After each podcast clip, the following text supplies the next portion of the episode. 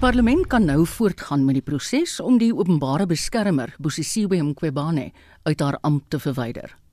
Die Kaapse Hooggeregshof het haar aansoek om 'n tussentydse interdik teen die proses van die hand gewys. Vir meer hieroor praat ons nou met 'n regskenner verbonde aan Ulrich Roo en vennote Claudine Robertse. Goeiemôre Claudine. Maar dit maar nie te gaan dit. Dit gaan by ons redelik, ek hoop by jou ook. maar jy moet vir ons lig werp op hierdie saak asseblief. Wat was die aansoek wat die openbare beskermer gebring het? So die openbare beskermer het 'n aansoek gebring vir 'n interdik en met hierdie interdik het sy gepoog om die uitvoering van die parlement se reëls rakende die moontlike verwydering van mevrou Mqwebane en haar aanpas die openbare beskermer eintlik net te vertraag. Hoekom wil sy die proses stop?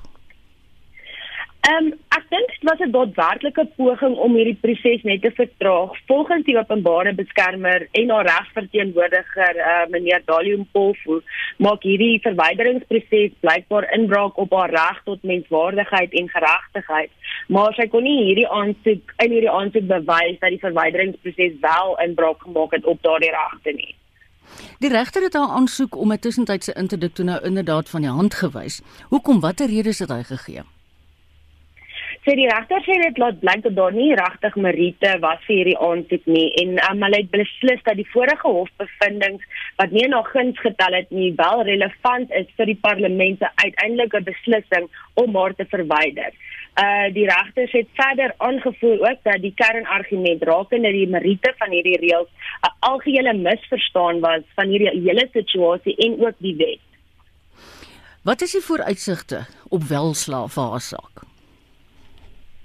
Kyk as jy mens kyk na die bevindings teen haar en al die vorige hofsaake, lyk haar kans op sukses nie baie belovend nie. Veral as mens kan kyk dat die hof in hierdie uitspraak juis verwys het na al die vorige bevindings mm. teen mevrou Mqobane. Is ek reg as ek sê dis met koste van die hand gewys? Ja, dit is met koste van die hand gewys. Hoe werk 'n tussentydse interdik? Nou binne die konteks van hierdie saak. Wat moes die regter oorweeg, Claudine?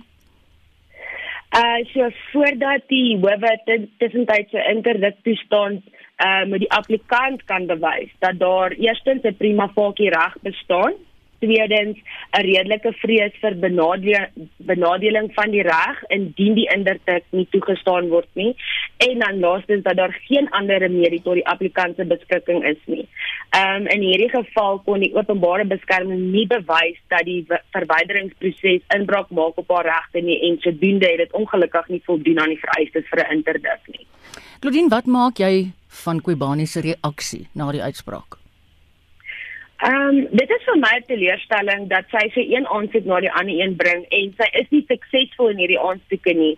Uh en derhalwe is dit vir die belastingbetaler wat is dit die belastingbetaler wat daaronder lê omdat hierdie aansoeke met kostes van die hand gewys word. In plaas daarvan om die parlement en die gemeenskap se vertroue terug te wen en ook net net vir 'n slag verantwoordelikheid te aanvaar vir optrede mm. skuil sy agter talle onnodige hofaansoeke. Daar was een van die uitsprake waar hulle wel gesê het sy moet 'n gedeelte betaal, né? Ja, daar was dit was met 'n vorige uh, uitspraak ja. in die Pretoria Hooggeregshof. Ai man, baie dankie. Dit was 'n regskenner verbonde aan Ulrich Roo en vennote Claudine Robertse. Gister was die laaste dag vir Suid-Afrikaners om kommentaar te lewer op 3 wetsontwerpe wat met geslagsgebaseerde geweld te doen het. Een van die wetsontwerpe het glo met 'n nasionale register van seksoortreders te doen. Ons praat nou met die woordvoerder van Action Society, Daleen Gous. Hallo Daleen. Goeiemôre Marita, goeiemôre luisteraars. Wat is hierdie 3 wetsontwerpe? Uh dit sluit in dat aanpassings ehm um, onder meer uh insluit dat verkragters van vrouens se name nou by die nasionale register ehm um, van seksoortreders gevoeg sal word. Verder dat die register ook publiek gemaak sal word en dat die name van seksoortreders vir 'n langer periode op die register gehou sal word. Ja, ek sou sê omtrent vir altyd. Watter veranderinge sou ja. julle graag aan hierdie wetsontwerp wou sien, Daleen? Dit is eintlik presies wat ons sou wou sien en om en om net verder uit te brei sal ons graag wou sien dat die nasionale register vir seksoortreders geprivatiseer word en ehm um, gehanteer en bestuur word deur waarskynlik ander partye wat dit beter kan ehm um, bestuur. Die ehm um, die register is ehm um, baie agter wat betref opdaterings en name en in Augustus het ons met die registrateur van die ehm um, nasionale register vir seksoortreerders ehm um, geskakel en hulle het erken dat daar slegs 19668 aktiewe hmm. ehm um, name en skuldigbevindings ehm um, gelys is op die register. Maar as jy in ag neem dat meer as 50980 kinders tussen 2014 en 2017 verkragt en 2600 vermoor is, beteken hierdie skamele syfer dat duisende verkragters anoniem tussen ons vroue en kinders rondbeweeg. Ons is ons is regtig verheug ehm um, oor die opdatering van die register omdat die bestaande register se inligting tans onbetroubaar en nutteloos is. Wat het departement hanteer hierdie? Waar waar onder val die registrateur? Dit val onder die departement van ehm um, maatskaplike maatskaplike werk. Uh, nee, nee, nee. Ehm um, Maar in elk geval, hoekom is hulle so ver agter?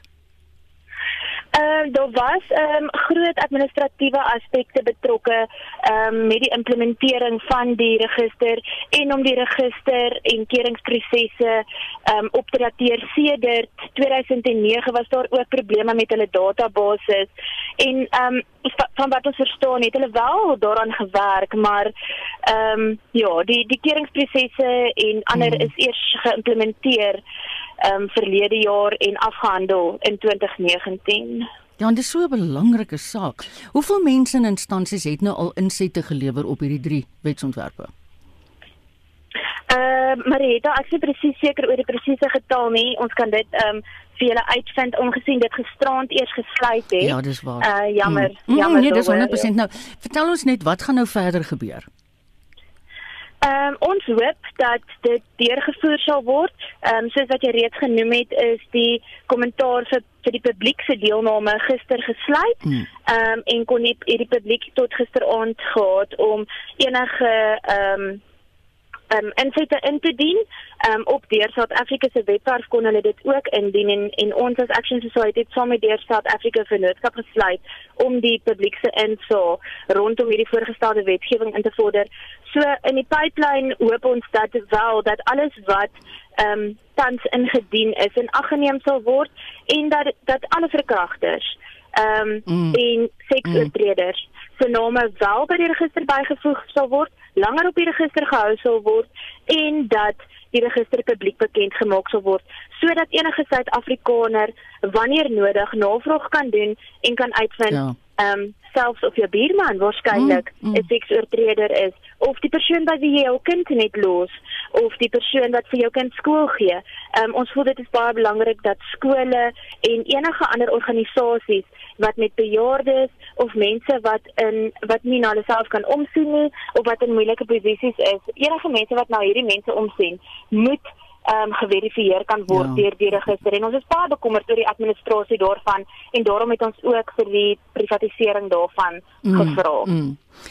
Baie sterkte met die belangrike werk wat julle doen. Dit was die woordvoerder van Action Society, Daleen Gous. Vanjaar se Nobelprys vir vrede is toegekend aan die Verenigde Nasies se Wêreldvoedselprogram vir die organisasie se stryd teen hongersnood en as 'n dryfveer in pogings om die gebruik van hongersnood as 'n oorlogswapen te stop. Dis die wêreld se grootste humanitêre organisasie teen honger. Dit het verlede jaar hulp verleen aan minstens 135 miljoen mense in 88 lande waar akute voedselnood en voedselonsekerheid heers. Dis die hoogste syfer in jare. As 'n voorbeeld van hulle werk, die WFP was in Maart verlede jaar betrokke by hulpverlening in Mosambiek en ons hier op RSG het toe daaroor berig. Kom ons luister na 'n uittreksel van een van ons bydraers.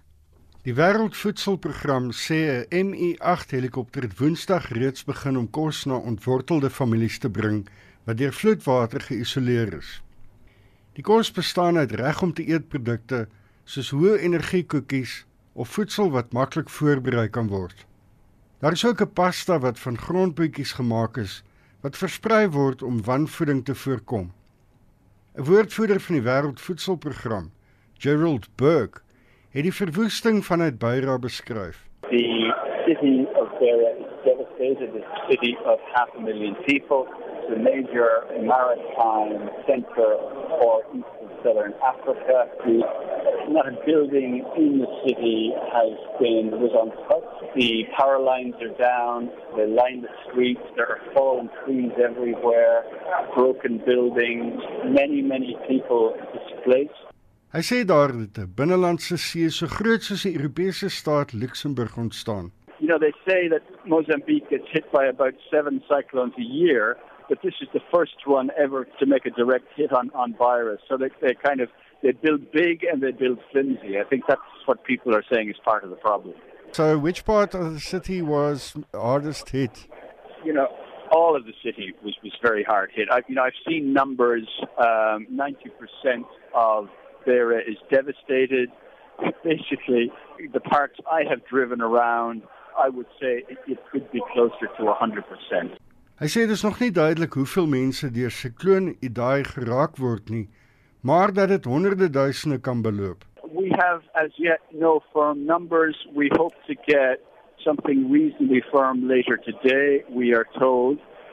But for example, in Mozambique, the World Food Programme did some mapping prior to the cyclone, and that showed that in Mozambique alone, and of course this crisis has affected Zimbabwe and Malawi as well, but in Mozambique alone, 1.7 million people were in the direct track of the cyclone. The rains that preceded the cyclone uh, affected something like 120,000 people in the three countries. And of course, the major number, we believe, of victims uh, arises from the flooding that happened after the cyclone in those inland oceans that I was describing earlier. Burke sê die swaar weer het noodlenigingspogings tot nou toe belemmer. Thankfully the weather has improved. It's it's a bright sunny day today. En daardie bydrae van Hendrik Martin. Die spreker in die bydrae is die Suider-Afrikaanse woordvoerder van die WVP, Gerald Burke. Ons is nou telefonies met hom in verbinding. Good day Gerald, welcome. Good afternoon to you. Thank you for having me. Briefly, what can you tell us of your experience in Mozambique? Well, it was the perhaps the most, the, you know, the biggest disaster that I personally have dealt with in my 20 years in uh, uh, with the World Food Programme. Uh, a, a, major crisis, obviously, very, very compelling. Um, the World Food Programme ultimately supported two and a half million people uh, with emergency assistance in the months um, after the cyclone, uh, and we are still helping to helping uh, uh, hundreds of thousands of, uh, of Mozambicans to rebuild their lives, to get back on their feet, uh, uh, to render themselves self self sufficient. Well, congratulations is definitely in order. This prize is welcomed by the WFP, but not without the exclusion of all role players in providing aid. Who are they? Well, we work with obviously we work with, with national governments. We work with hundreds of non-governmental organizations around the world, uh, international NGOs, national NGOs. They are at the coalface. They are vital, uh, and we couldn't function without them. Let's go back one step. Why is it so important to have food security and to provide food to those in need? Well, one of the reasons is that um, it helps to prevent conflict. Uh, eight of the ten biggest emergencies that, that the World Food Programme deals with uh, arise because of conflict. I'm thinking of Yemen, I'm thinking of Syria, mm-hmm. I'm thinking of uh, DRC closer to home, and of course, uh, northern Mozambique. Um, uh, conflict begets hunger, hunger begets conflict. Right. The Nobel Committee mentioned that food is used as a weapon in times of war and conflict. How is that done? Well, it's uh, you can you can see it in, in places like Syria. Um, you can see it in places like Yemen. That the combatants uh, essentially can starve communities that they consider politically opposed to them, uh, and it's an absolute tragedy. One of the biggest challenges for the World Food Programme uh, in a war zone Um, and again, I'm thinking of Eastern DRC, uh, Yemen, Syria, uh, Mozambique presently, northern Mozambique, is, is getting access to the people in need. Um, mm. uh, that, that, that is a massive challenge. So how does how does the WFP let's say disarm the so-called food weapon? Well, basically, um, we have to often, uh, oftentimes, negotiate access to vulnerable communities uh, with warring parties. Um, uh, I was in the Middle East for quite a while, um, helping out uh, our Syria operation, uh, and the the program people, the operational people on the ground, uh, were telling me that um, it could take days or weeks mm. or even months to negotiate uh, access to particular communities. Uh, wow. That you'd have to negotiate with the government on one side, uh, then you'd have to uh, uh, negotiate with, with rebels, often more than one group of rebels. Mm. And of course, if the battle lines change, then you, you may have to start negotiations all over again. So, so getting access uh, is, is, of course, a top priority in those sorts of situations. Gerald, we so often hear about conflict leaders stealing or confiscating food aid. How do you deal with that?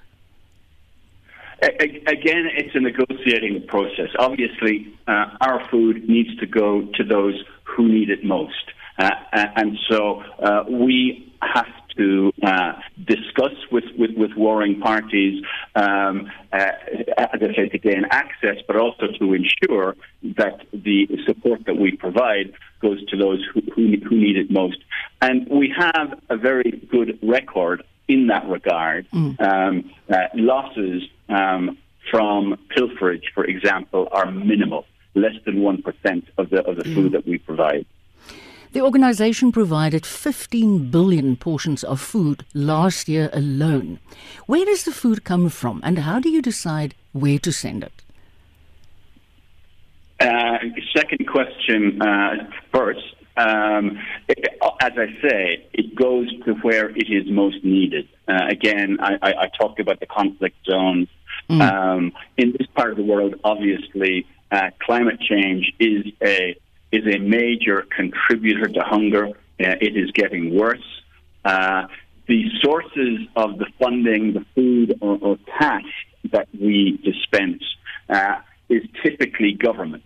Um, uh, Western governments, the South African government has been generous to us for our, our, our work in this region, uh, but most of it comes from governments. Some of it comes from businesses. Some of it uh, comes from private in, individuals. But right. we are 100% voluntarily funded, so we are completely reliant on the goodwill of mm. those governments, the businesses, the, the, the, individuals, and basically we never have enough. Uh, yes, all our operations around the world are underfunded. Gerald, let's focus on Africa. What are some of the biggest challenges the organization is facing on the continent today? Well, well the, the main causes of hunger, as I mentioned, are, are conflict. Um, uh, uh, again, South Sudan, DRC, Mozambique, um, uh, and and and, uh, and and climate change, of course. Um, we are active in most countries on the continent. Um, our Southern Africa office, which is here in Joburg, oversees operations in, in 12 countries uh, in the region. Um, so, out of pure interest on my side, where are you positioned, stationed? Uh, I am in Johannesburg. Our, our, our, bureau for the region, as right. I say, is, is here in Johannesburg. Uh, we are not operational in South Africa. It's, it's basically the back office yes. supporting yes. Uh, those pro operations in the region that I mentioned. Well, thank you for the good work you're doing and congratulations on the wonderful nomination and being the recipients of the Nobel Prize for Peace. Dit was die Suider-Afrikaanse woordvoerder vir die VN se Wêreldvoedselprogram, Gerald Burke. Die VN-liggaam het die 2020 Nobelprys vir vrede ontvang. Nou nou iets heeltemal plaasliks. Die Senekal Veiligheidsvereniging sê regeringsleiers moet ophou om rassehaat te verkondig. Dit is nou na die moord op die 21-jarige plaasbestuurder Brendan Horne op 'n plaas in die Paulroe distrik in die Oos-Vrystaat. Twee mans is intussen in verband met die moord in hegtenis geneem. Reginald Witboy het Paulroe besoek en die verslag saamgestel. Die 21-jarige Brendan Horne is gesteek aan 'n paal vasgebind en vir dood agtergelaat op 'n plaas in die Paulroe distrik. Sy dood het woede onder gemeenskapslede ontlok. Boere wou die gereg Dinsdag in hulle eie hande neem toe Sekweche Matlamba en Sekola Matlaletsa vir sy moord in die hof verskyn het. Paulroe inwoners het gemengde gevoelens na die moord op hulle geliefde dorp. My kinders het uit Johannesburg uit hier kom kuier en sê hulle ja, dis Paulroe, ons kan die deure ooplos en sulke goed. Nou voel mens nie meer asof jy dit kan doen nie, asof jy weer terug in Johannesburg is. Sluit alles en jy voel nie meer so veilig nie. Und ook gaan dood word. Want die altyd die mense en die man vir die, die kinders en die vrouens se doodmaak. Ons is nou moeg ons het gevoel dat hy kom. Hampa. Na die opsetlike saakbeskadiging aan eiendom en openbare geweld is 'n 51-jarige boer van Makwood in hegtenis geneem en het in die hof verskyn. Die Senekal Veiligheidsvereniging sê geweld moet nie geduld word nie, maar leiers moet ook verantwoordelik optree en nie onnodige rassehaatspraak aanvlam wanneer dit misdaad is nie. Die vereniging sê Jester Clerk Ons wil hê die regering moet begine optree teen mense wat haatspraak pleeg, mense wat sinkeelde boorkeelde fame, mense wat uh ministers wat uitsprake maak van dat dit aanvaarbaar is om boere seer te maak of laat hulle dit verdien, moet gestop word. Die mense daar buite verstaan nie altyd dat dit politieke sprake is. Sekuriteit by die hof is nou opgeskerp. Die twee mans wat beskuldig word op Horne se moord sal weer op 16 Oktober in die Senekal hof verskyn vir 'n formele borgaansoek. Op die dag van sy moord het Horne 'n jaar as plaasbestuurder by die plaas gevier. Ek is Reginald Witboy op Olroo in die Oos-Vrystaat. Ons bly by die onderwerp van landelike veiligheid en praat nou met die president van Agri SA, Peer Verkuil. Goeiemiddag Peer. Hallo Marieta, hoe gaan dit? Dit gaan goed met my, dankie. Hoe gaan dit daar op die plaas? Nee, goed, ons het 'n wonderlike jaar gehad. Uh sover die natuur aangaan, jy weet, hy's so mooi soos wat hy kan geword het hier by ons. So, ons moet, ons moet miskien net vir jou lyk het. Ja, nee, nee. met jy draaibaasie. ja. Ek moet net ter agtergrond sê Peer was lank my buurman gewees in die Setlagolie omgewing. Kom ons kom terug na die onderwerp toe. Jy het nou na daai bydrae van Reginald geluister. Is die mense op die platteland werklik bang en bekommerd oor hulle veiligheid? O ja, Marieta, as jy nou kyk wat ons als moet doen om ons veiligheid te verseker, jy weet, uh, uh hier in ons wêreld en nou baie ander plekke, jy weet, is dit amper soos 'n 'n privaat veiligheidsfirma wat gestig word teen hoë koste vir boere. Dit het te doen met radio's, dit het te doen met kameras, dit het te doen met patrollies wat gery word.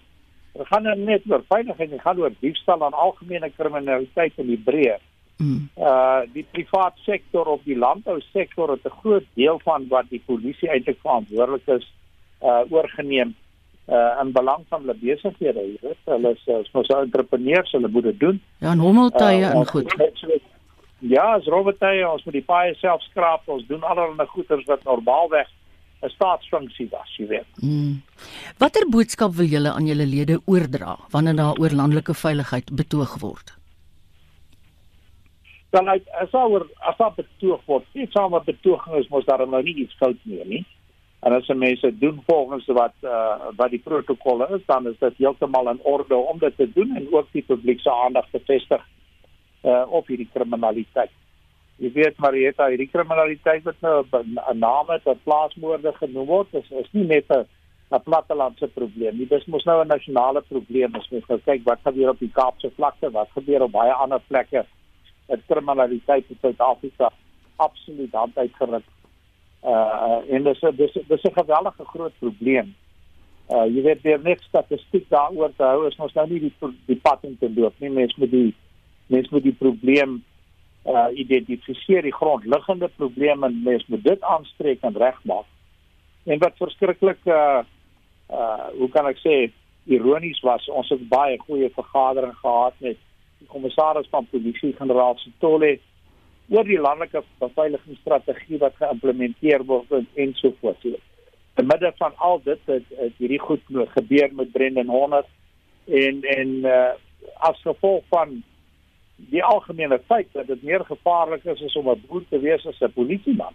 Mm. Uh uh en hoe blootgestel landbouers is as hulle en hulle werknemers en almal wat betrokke is in die landbou as gevolg van die omstandighede uh, die emosies nou 'n bietjie hand uitgeruk mm. en en jy weet iets wat iets wat uh, mense is net verskriklik dankbaar niemand het geskiet geraak. Jy weet ja, niemand ja. is hier nie. Mense is verskriklik jammer dat staatseiendom beskadig is en privaat eiendom maar mee saam.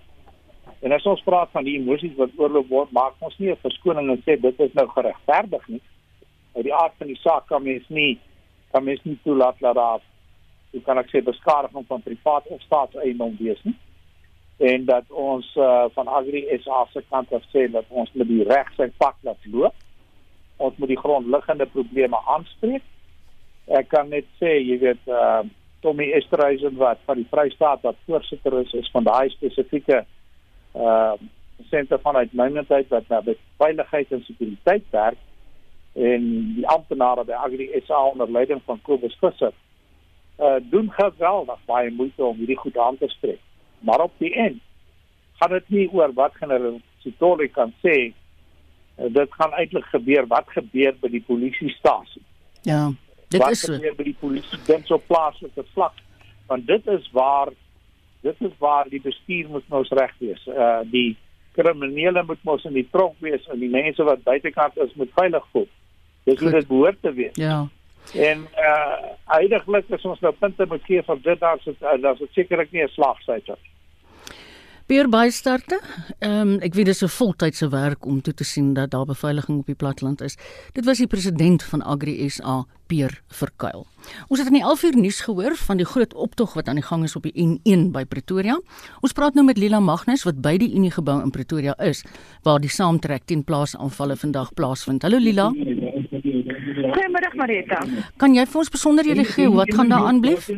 Ja, daar is honderde mense by die Unie gebou wat opgeruk het na die Unie gebou na hulle die stadig op die snelweg gery het om Pretoria om te protes teen plaasaanvalle en plaasmoorde en moorde op boere.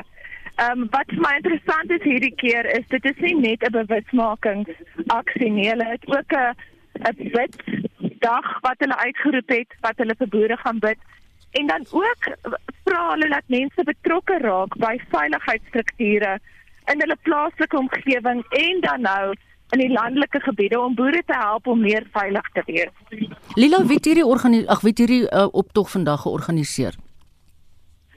Dit is georganiseer deur ehm um, Kaliru, hy onder die vaandel van Verenigd teen Plaasaanvalle en Plaasmoorde. Hy sê self hy's nie 'n politikus nie en hy's nie 'n organisasie gestig nie. Hy het net op sosiale media 'n beroep gedoen dat mense moet vandag kom om ehm um, dit protes aan te teken teen wat besig is om te gebeur op die plase. Dit is al die tweede keer wat 'n soortgelyke protesaksie in Suid-Afrika, ag hier so in Pretoria is skiet. Ons weet dit is nou reg oor Suid-Afrika. Ehm um, en hulle sê hulle vat dit nou maar soos dit kom. Hulle gaan volgende week gaan hulle Senekal toe waar ons weet die ehm um, vermeende aanvaller uh, van ehm um, Brendan Hondi gaan verskyn. So hulle hulle is maar aktief. Eh, jy het net nou verwys na gebede en ek hoor daar's toesprake in die agtergrond aan die gang. Kan jy dit opsom as vreedsaam? Wat anders doen hulle? Ja, dit is vreedsaam, dit is glad gewelddadig nie, maar ek kan vir jou sê, die gemoed onder die mense as jy met hulle praat, is mense is moedeloos. Hulle is om dit nou in plainweg Afrikaans te sê, hulle is gatvol. Hulle sê die regering doen nie wat hulle moet doen nie. Genoeg is genoeg. Die boere kan nie so uitgelewer word nie en hulle doen 'n beroep op die president en die minister van polisie om te erken dat plaasmoorde 'n probleem is en om uh, bronne en geld en mense en mannekrag te stuur om hierdie probleem te probeer oplos. Jy het nou self geluister na Pierre Verkuil se onderhoud. En um, wat vir my snaaks is, hy sê hulle het so goeie uh, vergadering met die kommissaris gehad van polisie. Maar dan tog in die openbaar maak die minister ander uitsprake. Wat maak jy daarvan as 'n joernalis? Ek dink dit is die probleem. Ek dink wat op die oomblik besig is om te gebeur is ons almal weet dit volgende jaar is daar 'n verkiesing. En dat die politici het weens die inperking nie baie tyd gehad om lank voor die tyd te begin stemme werf nie. O, ja. So Mm. hulle dink ek is nogal gedruk om mense te kry om hulle te stem volgende jaar en om die groot basis mense te kry om hulle te stem, dink ek is nie noodwendige populêre standpunt om te sê maar ons ondersteun die boere nie. So ek dink dis ja. hoekom hulle vir die boere sê ons ons ondersteun julle, ons gaan 'n plan maak, maar in openbaar basies die boere uitverkoop. So dis dis suiwer politiekery. Baie dankie Lila en sterkte vir die res van daai optog. Dit was die verslaggewer by die Unie gebou in Pretoria, Lila Magnus. Nou iets anders. Wat presies het hierdie week in Senekal in die Vrystaat gebeur? Begin Ys Magashule nou benoude spronge te maak oor die korrupsiebewering teen hom. En was die Amerikaanse verkiesingsdebat tussen Kamala Harris en Mike Pence 'n verbetering op die tussen Donald Trump en Joe Biden? Dis van die vrae wat ek Hendrik Weingart Sondag aand op kommentaar stel aan my paneel wat bestaan uit Erns Roots van AfriForum, Pieter de Tooy van News24 en die aktivis en sakeman Crispin Son. Sluit by ons aan om 8uur Sondag aand, net hier op RSG. Op die sportveld woel sake reeds van gister af. Pieter van der Berg sluit nou by ons aan telefonies. Hallo Pieter. Hallo Marita, jy het so lekker Engels gesels in daai onderhoud. Ek bespan jy vra vir my Engelse vrae hier. Nie gedink ek kan nie, né? Hoorie gisterand was jy self in die kommentaar hokkie vir die eerste rugby wedstryd van die naweek. Gee ek vir ons 'n oorsig van die naweek se gebeure man. Ja, kom ons begin by die eh, plaaslike Super Rugby reeks wat gisterand afgeskop het. 21 wedstryde wat voorlê en oor 7 weke wat dit gespeel gaan word. Daardie eerste wedstryd daar daar in Durban gewees, nie baie goeie rugby nie. Die Sharks het die eerste helfte oorheers teen die Lions. Hulle was 13-3 voor gewees teen rustyd en uiteindelik het hulle met 19-16 geseëvier. Dis nou die Sharks oor die Lions nadat hulle hier reg aan die einde 'n strafdoel behaal deur Cowan Bosch. Nou vandag is daar nog twee wedstryde in Bloemfontein Cheetahs teen die Pumas en uh, Dion Skuman hy gaan 'n regstreekse kommentaar doen van 05:30 vanmiddag op uh, op RSG en dan vanaand is daar die wedstryd tussen die Bulls en die Griekwas en dit is Johan Rademan wat van Sevier af verslaas sal doen oor daardie wedstryd.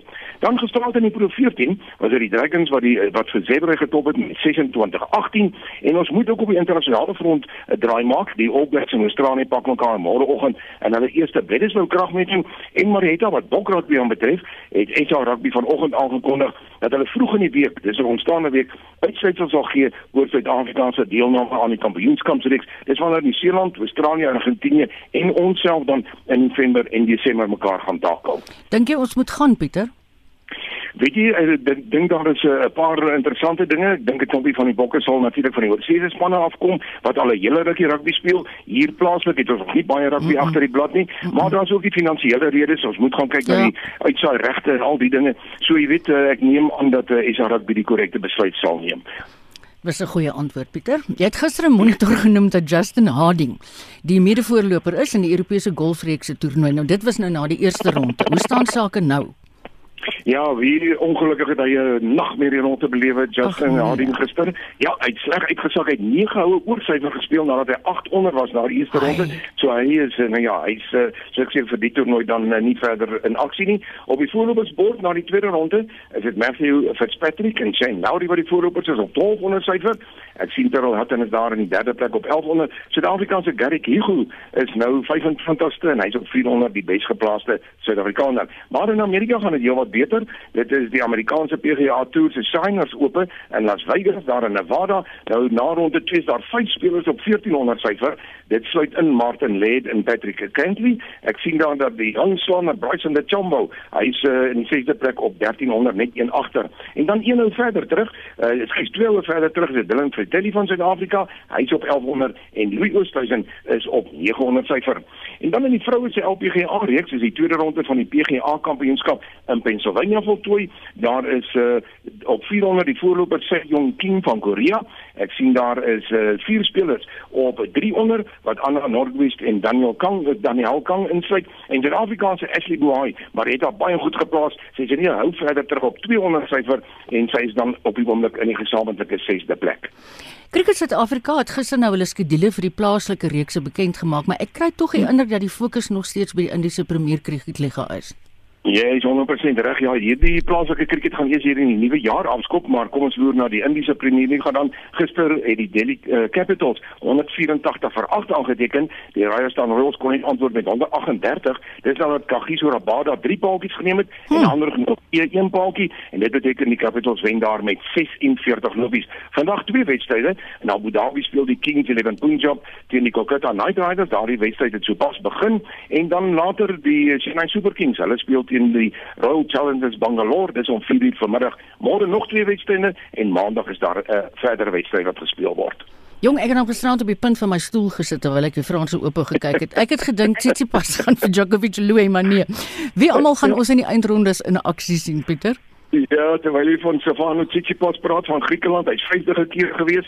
Nou hy is toe uiteindelik uitgeskankel deur die eerste keer in Novak Djokovic, maar dit het vyf stelle geneem huh? en ek moet sê in die vyfde stel was Djokovic uh, net te sterk geweest, maar 'n uitstekende wedstryd. Ja. Natuurlik is die ehm um, die Grand Slam toernooi se finaal wat dan môre gespeel word en dit is Djokovic wat te staan sal kom teen die tweede keer Rafael Nadal van Spanje. Hy het net 3 stelle nodig gehad om die 12de keer te Diego Schwartzman van Argentinië ehm um, hy het stuur en dit dan môre nommer 1 teen nommer 2 en dan vanmiddag die vroue enkelspel dis die uh, gekeerde wat maar swaar gewees het nou in vandag se eindstryd is die omgekeerde Iga Swiatek van Pole sy is net 19 jaar oud ja. sy gaan speel teen die vierde gekeerde Amerikaner Sofia Kenin en dis Kenin wat haar tweede Grand Slam titel jag Ek dink nogal ek het gedink Quito was dan 'n kans maar nou ja dit is nou nie so nie. Ons het gister die eerste oefensessies vir die naweek se Formule 1 as ook vir die MotoGP wedrenne gehad. Watter renjaars moet ons dophou? Ja, kom ons begin by die MotoGP. Dit word op Le Mans gejaag, die Franse MotoGP. Nou tydens die tweede oefensessie gister was daar 5 jaar se 'n ongeluk betrokke, nat omstandighede. Jack Miller het die beste tyd behaal. Uh, Maverick Vinales was in die tweede plek en uh, Tagaki Naka, Nakagami van van Japan hy die derde beste tyd opgestel.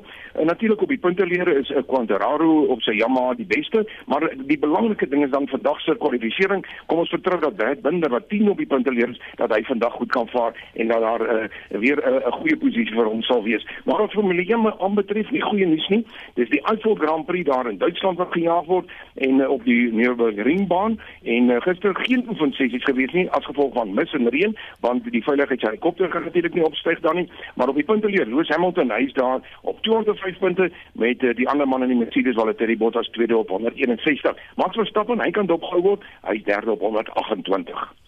Goed, en uh, Bafana Bafana is ook in aksie tydens FIFA se internasionale venster die week, né? Nee? Ja, hulle donderdag gelyk opgespeel teen Namibië met 1-11. Môre speel hulle teen eh, Zambië, dis in Rustenburg. Die wedstryd begin om 3uur en dan gister was daar 8 internasionale wedstryde. Nigerië het pak gekry, Algerië het hulle met 1-0 geklop, Marokko het vir Senegal met 3-1 afgestof en Mali reken af met Ghana 3-0 en vandag se wedstryde, daar's 'n hele rits van internasionale wedstryde, sluit onder meer in Spanje teen Switserland en die Oekraïne. Hulle kom teen Duitsland te staan. Nou man, is so lekker dat ons weer kan sport praat. Dit was ons sportmedewerker Pieter van der Berg en ons het sommer 'n lekker vol naweek. Terwyl ons besig was om met Pieter te gesels, is die agtergrondtelevisie in die ateljee aan op sien en en daar's 'n volle uur dokumentêr oor die Ndlovu jeugkoor. My hart swel van trots. Dit is ontsettend mooi. In ons weeklikse motorrubriek, toets Wessel Pretoria se 'n Land Rover en 'n luisteraar se brief word beantwoord. Land Rover se Discovery Sport is al 5 jaar op die mark en het pas 'n verjongingskuur ondergaan. En Land Rover het baie netjiese werk gedoen om die Discovery Sport op te knap en vars aan te bied.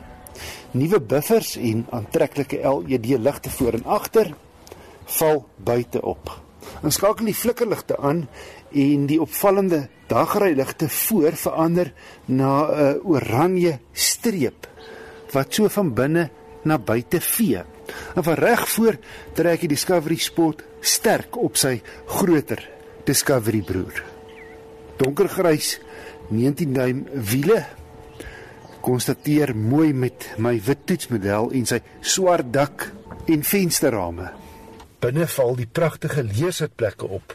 Op hierdie SE afwerking kan albei voorstes elektries stel met geheue funksies vir drie afsonderlike stellings.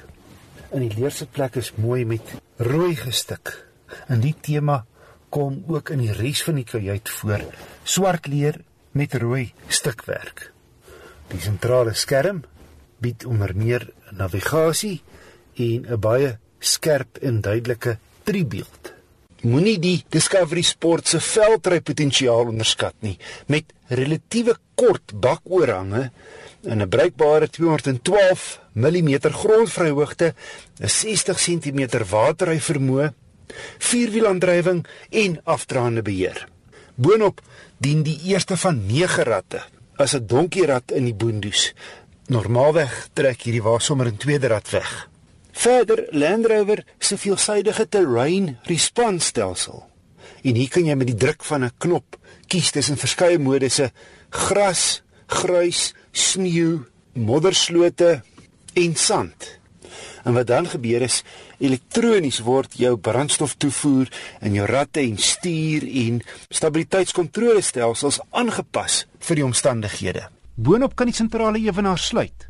Kortom, die Land Rover kan loop waar sy teenstanders, die BMW X3, Audi Q5, Mercedes GLC en Volvo XC60 nie kan nie. Met die wegtrek is die turbo diesel en sy outokas nogal traag uit die blokke. Turbo traagheid wat maak dit mens nie sommer 'n gaping vinnig kan vat in stadsverkeer nie. Die Discovery Sport D180 SE se 2 liter turbo diesel stoot 132 kW en 430 Nm wrinkrag uit. Hy lewer genoeg krag danksy die dikstroom wrinkrag, maar omdat die Discovery Sport swaarder as sy teenstanders is, versnel hy van 0 na 100 in 10 sekondes terwyl dit sy teenstanders tipies net 8 en 'n half sekondes neem. Die Landy is ook swaarder op die sous as sy mededingers. Ek het op my gekombineerde stad en ooppadroete 8 en 'n half liter per 100 km gemeet. Sy ritgehalte is egter buitengewoon goed op die lang pad beter as die Duitsers se wat geneig is om meer sportief geveer te wees. En die Land Rover se pad en windgedruis word tot die minimum beperk. Om op te som, die Land Rover Discovery Sport D180 R Dynamic SE teen R906700 is rondom aantreklik met 'n baie gerieflike en luukse kajuit. Hy het heelwat spasie binne, 'n derde ry sitplekke is 'n opsie. Hoewel die kompetisie omklop in terme van verrigting en verbruik, staan die Discovery Sport se veelsidigheid uit. Aan die een kant 'n gladde en stil rit, aan die ander kant sy vermoë om as ware 4x4 ingespan te word. Gili Jacobs vra raad. Hy skryf: Ek ry 'n 2019 Great Wall Motors Steed 5 2 liter turbo diesel waarmee ek soms my hengelbootjie sleep. Oor die algemeen is ek baie tevrede met die bakkie se krag. Soms vind ek egter dat die weerstand teen die versnellerpedaal wat meestal skerp of styf is, pap word met gepaardgaande ekstra deurtrap om iets te laat gebeur. Ek vermoed dit moontlik iets met die turbo aanjaar se werking te doen. Nicolou die tegniese konsultant by Kaarthuisskrif en die besigheidsontwikkelingsbestuurder by SVU Gepantserde Voertuie antwoord. Ja, wissel, dis interessant om te lees dat Giel sê dat die die krag ehm um, kom en gaan en dit voel so half of die oordrag van die pedaal tot die krag wat hy ervaar verskil en hy noem ook die turbo aanjaar. Nou my persoonlike gevoel is as daar iets met die turbo fout is, sal dit die heeltyd so gewees het. Dit sal nie kom en gaan nie. Maar ek sal wel voorstel dat Giel die voertuig vat vir 'n diagnostiese toets, net om seker te maak dat al die sensors is reg en ook die turbo is reg, dat daar nie 'n fout in die geheue is uh, vir die turbo aanjaar nie. Maar ek wil 'n bietjie fokus op die versnellerpedaal. Wat interessant is van die versnellerpedaal van 'n moderne voertuig is dis natuurlik nie meer soos in die ou dae waar daar 'n kabel is van die versneller af deur tot by 'n vergaser nie. Dit is natuurlik nou elektroniese uh, seine wat deurgestuur word na die enjin beheer eenheid. Hier is in elk geval 'n turbo diesel waarvan ons praat. Maar wat interessant is is daai versnellerpedaal stuur nie net een elektroniese sein deur nie, hy stuur twee elektroniese seine deur dit is natuurlik vir veiligheid want jy kan nou dink as jy elektroniese versneller het en daar gaan iets fout en die voertuig hardloop weg is dit 'n groot probleem. Daai versnellerpedaal gee dan 'n sein deur gewoonlik tussen 0 en 5 volt waar 0 volt sal wees dan maar jou jou leier toestand tot by 5 volt waar dan 100% van die wrinkrag van die enjin dan verwag. en ehm um, daar's twee syne wat deurgestuur word en die enjin beheer eenheid kyk dan na daai twee syne wat deurkom en hy gaan die laagste sein gaan hy aanvaar. Dis weer eens 'n veiligheidsaspek. So indien daar 'n probleem is met een van daai bane op die versteller dat een van die syne baie laag deurkom vir een of ander rede, dan gaan dit miskien voel of ewe skielik is die krag nou heelwat minder omdat die laer sein dan aanvaar word deur die enjin beheer eenheid en dan ook 'n laer wringkrag dan gelewer word deur die enjin. Wat ook interessant is, uit 'n diagnostiese oogpunt van daai verstellerpedaal is indien daai twee syne te ver van mekaar verskil, dan gaan daar ook 'n fout boodskap deurgegee word en uh, dan gaan die kar 10 teen 1 in 'n tipe van 'n limp home funksie ingaan wat ook weer gaan voel of daar min krag beskikbaar is. So my gevoel is die probleem kan miskien lê op die verstellerpedaal self. Dit kan wees een van daai elektroniese bane foutief. Nicolou, hy is die tegniese konsultant by Car en die besigheidsontwikkelingsbestuurder by SVU Gepantserde Voertuie. Moedernavraag kan gerus na my gestuur word e-pos na wissel@rsg.co.za.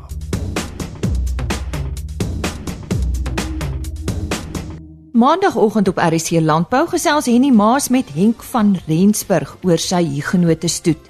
Samix se nasionale karkas kampioenskap toekenninge vind eersdaags plaas en Rudy van der Westhuizen gee terugvoer oor die standaard van vanjaar se wenners. Dr Michael Bradfield gesels oor eerskomende week se feeskool en Richard Venter van XI Unlimited gee raad oor kuilvoer wat te droog is. Dis maandagooggend 05:30 RSG Landbou.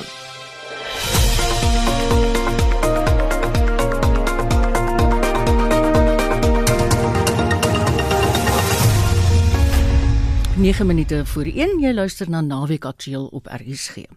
Beweringe van menseregte skendings by die Kwasiza Bantu sending in KwaZulu-Natal is die afgelope week by die Kommissie vir Kulturele, Godsdienstige en Taalregte in Durban gemaak. Die kommissie wat 3 dae lank gesit het, se werk is daarop gemik om die beskuldigings van misbruik en bedrog by die sending onder die loep te neem. Vincent Mofokeng Emosies het hoog geloop toe voormalige lede van die sending voor die kommissie getuig het. 'n Oud leerder aan die Kwasiza Bantu sending in Kranskop in die noorde van KwaZulu-Natal sê sy is seksueel aangerand en beskuldig die sending daarvan dat hulle gesinne verbrokkel. Die leerder is een van die getuies wat anoniem getuig het tydens die CRL kommissie se verhoor in Durban. Die getuie sê sommige ouers wat nog by die sending woon, het hul kinders verloon. Die getuie sê baie ander slagoffers van verkrachting het nog nooit die moed gevind om die voorvalle aan te meld nie. Some of the parents they don't even know their grandkids or whatever. Some of the parents have to sneak out to see their children because they are part of the world now and that is a sin. If there's if there's one thing that brought me here that I want to truly see changing is that how they break families. It always pains me like when a parent tells their child that they did to them because they chose to go and look for work outside and live their own life and and not to be part of that cult it always like pains me to see that Die sending is in 1970 deur die predikant Dominee Erloos tegengestig en het daarin geslaag om werksgeleenthede vir 'n aantal mense te skep. Dit hou verband met 'n aantal projekte, veral Ekamanzi Springs wat die bottelwaterproduk besit. 'n Voormalige predikant, Sipho Zondi, sê hy het 'n uitval gehad met die kerkleiers. Zondi sê hulle is verhinder om inligting oor die kerk te deel. ngivalelisile enganeni zami. Hlale phansi nomama. goodbyes to my children. I told my family that now i have come forward.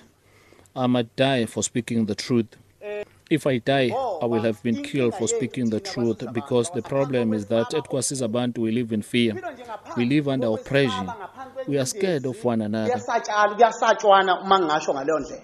Peter Becker, 'n voormalige predikant van die sending, beweer ook dat dit moeilik was om uit te praat, selfs al sou iets jou pla. You're right and you're loyal to them and you, well, you're going to confess as well. And leadership. And you're in leadership, yeah, and you're loyal to them, then, then they'll protect you. Okay. But if you, if you dare question their teachings, you immediately become an enemy.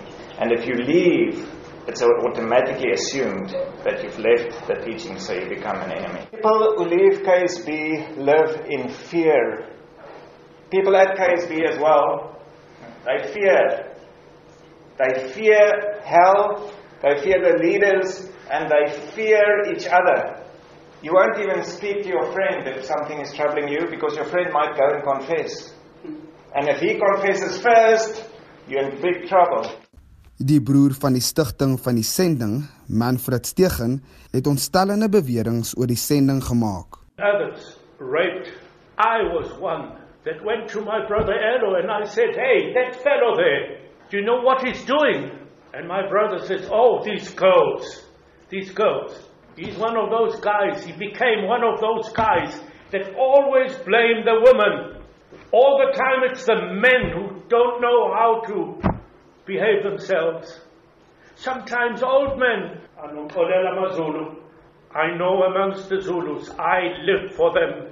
Amongst the Zulus, even today, it's always the women that get blamed, and the mission does the same. Kwasiza Bantu het vroeër al die beweringe ontken en 'n interne kommissie aangestel om die aantuigings te ondersoek. Die verslag van Fanele Mhlongo in Durban. Ek is Vincent Mofokeng vir SAI Garnis. Die bestuur van die Kwasiza Bantu sending het intussen geweier om voor die kommissie in Durban te getuig. Die leierskap van die Kwasiza Bantu sending beskuldig die voorsitter van die kommissie, professor David Mosoma, daarvan dat hy uitspraak lewer voordat die sending kan verskyn. Hulle kommer hou verband met 'n onderhoud wat Mosoma met 'n aanlyn nuuspublikasie gehad het. Tot dusver word die verhore oorheers deur beweringe van verkrachting, emosionele en menseregte skendings by die Kwasiza Bantu sending van voormalige lede. Selfs predikante wat getuig het, het gesê dat dit moeilik is om uit te praat selfs al kort iets. Die regsverteenwoordiger vir die Kwasiza Bantu sending, Keith Matthee, het 'n aansoek ingedien vir Mosoma om homself te onttrek. I've been asked to, to apply to have that you, as chair, recuse yourself and possibly the rest of the commission from this hearing. Matthee het aan die kommissie gesê dat die sending met die polisie saamgewerk het in hul ondersoeke. And if it's true, the perpetrators must be brought to book, but the correct state institution is the SAPS. If it's not true, then those who've made the, the statements and those who are publishing them must be brought to book, at the very least for criminal defamation and criminal injury. Mosoma het geweier om homself te onttrek en gesê dat hulle die sending tyd sou gee om hul besluit te heroorweeg. Today was really a conversation with the church. So we are going to also uh, sit back and uh, reflect on this uh, before just giving um, what it is that we're going to do. Our responsibility is to follow Section 31A and B of the Constitution, where no one should be denied the right to enjoy worship, to enjoy religion, and things like that. Kwasiza Bantu het al die beweringe teen hulle ontken en bevestig dat hulle 'n interne kommissie op die been gebring het om die beweringe te ondersoek. Die verslag van Fanele Mhlongo in Durban. Ek is Vincent Mufokeng vir SAI Garnis. Dit was dan nou naweek aktueel vir Saterdag 10 Oktober 2020. Dankie vir die saamkuier. Daar lê baie programme op RSG vir die res van die dag voor. Daar's ook regstreekse kommentaar van die rugby. So, daar's baie sport aan die gang. Geniet dit. En ek weet Essie sit aan die ander ateljee gereed met die 1 uur nuus. Namens ons almal hier in die ateljee, dis ons redakteur vandag Hendrik Martin, ons produksieregisseur Daitron Godfrey en my Marieta Kreer. Ek groet en hê 'n lekker naweek. Totsiens.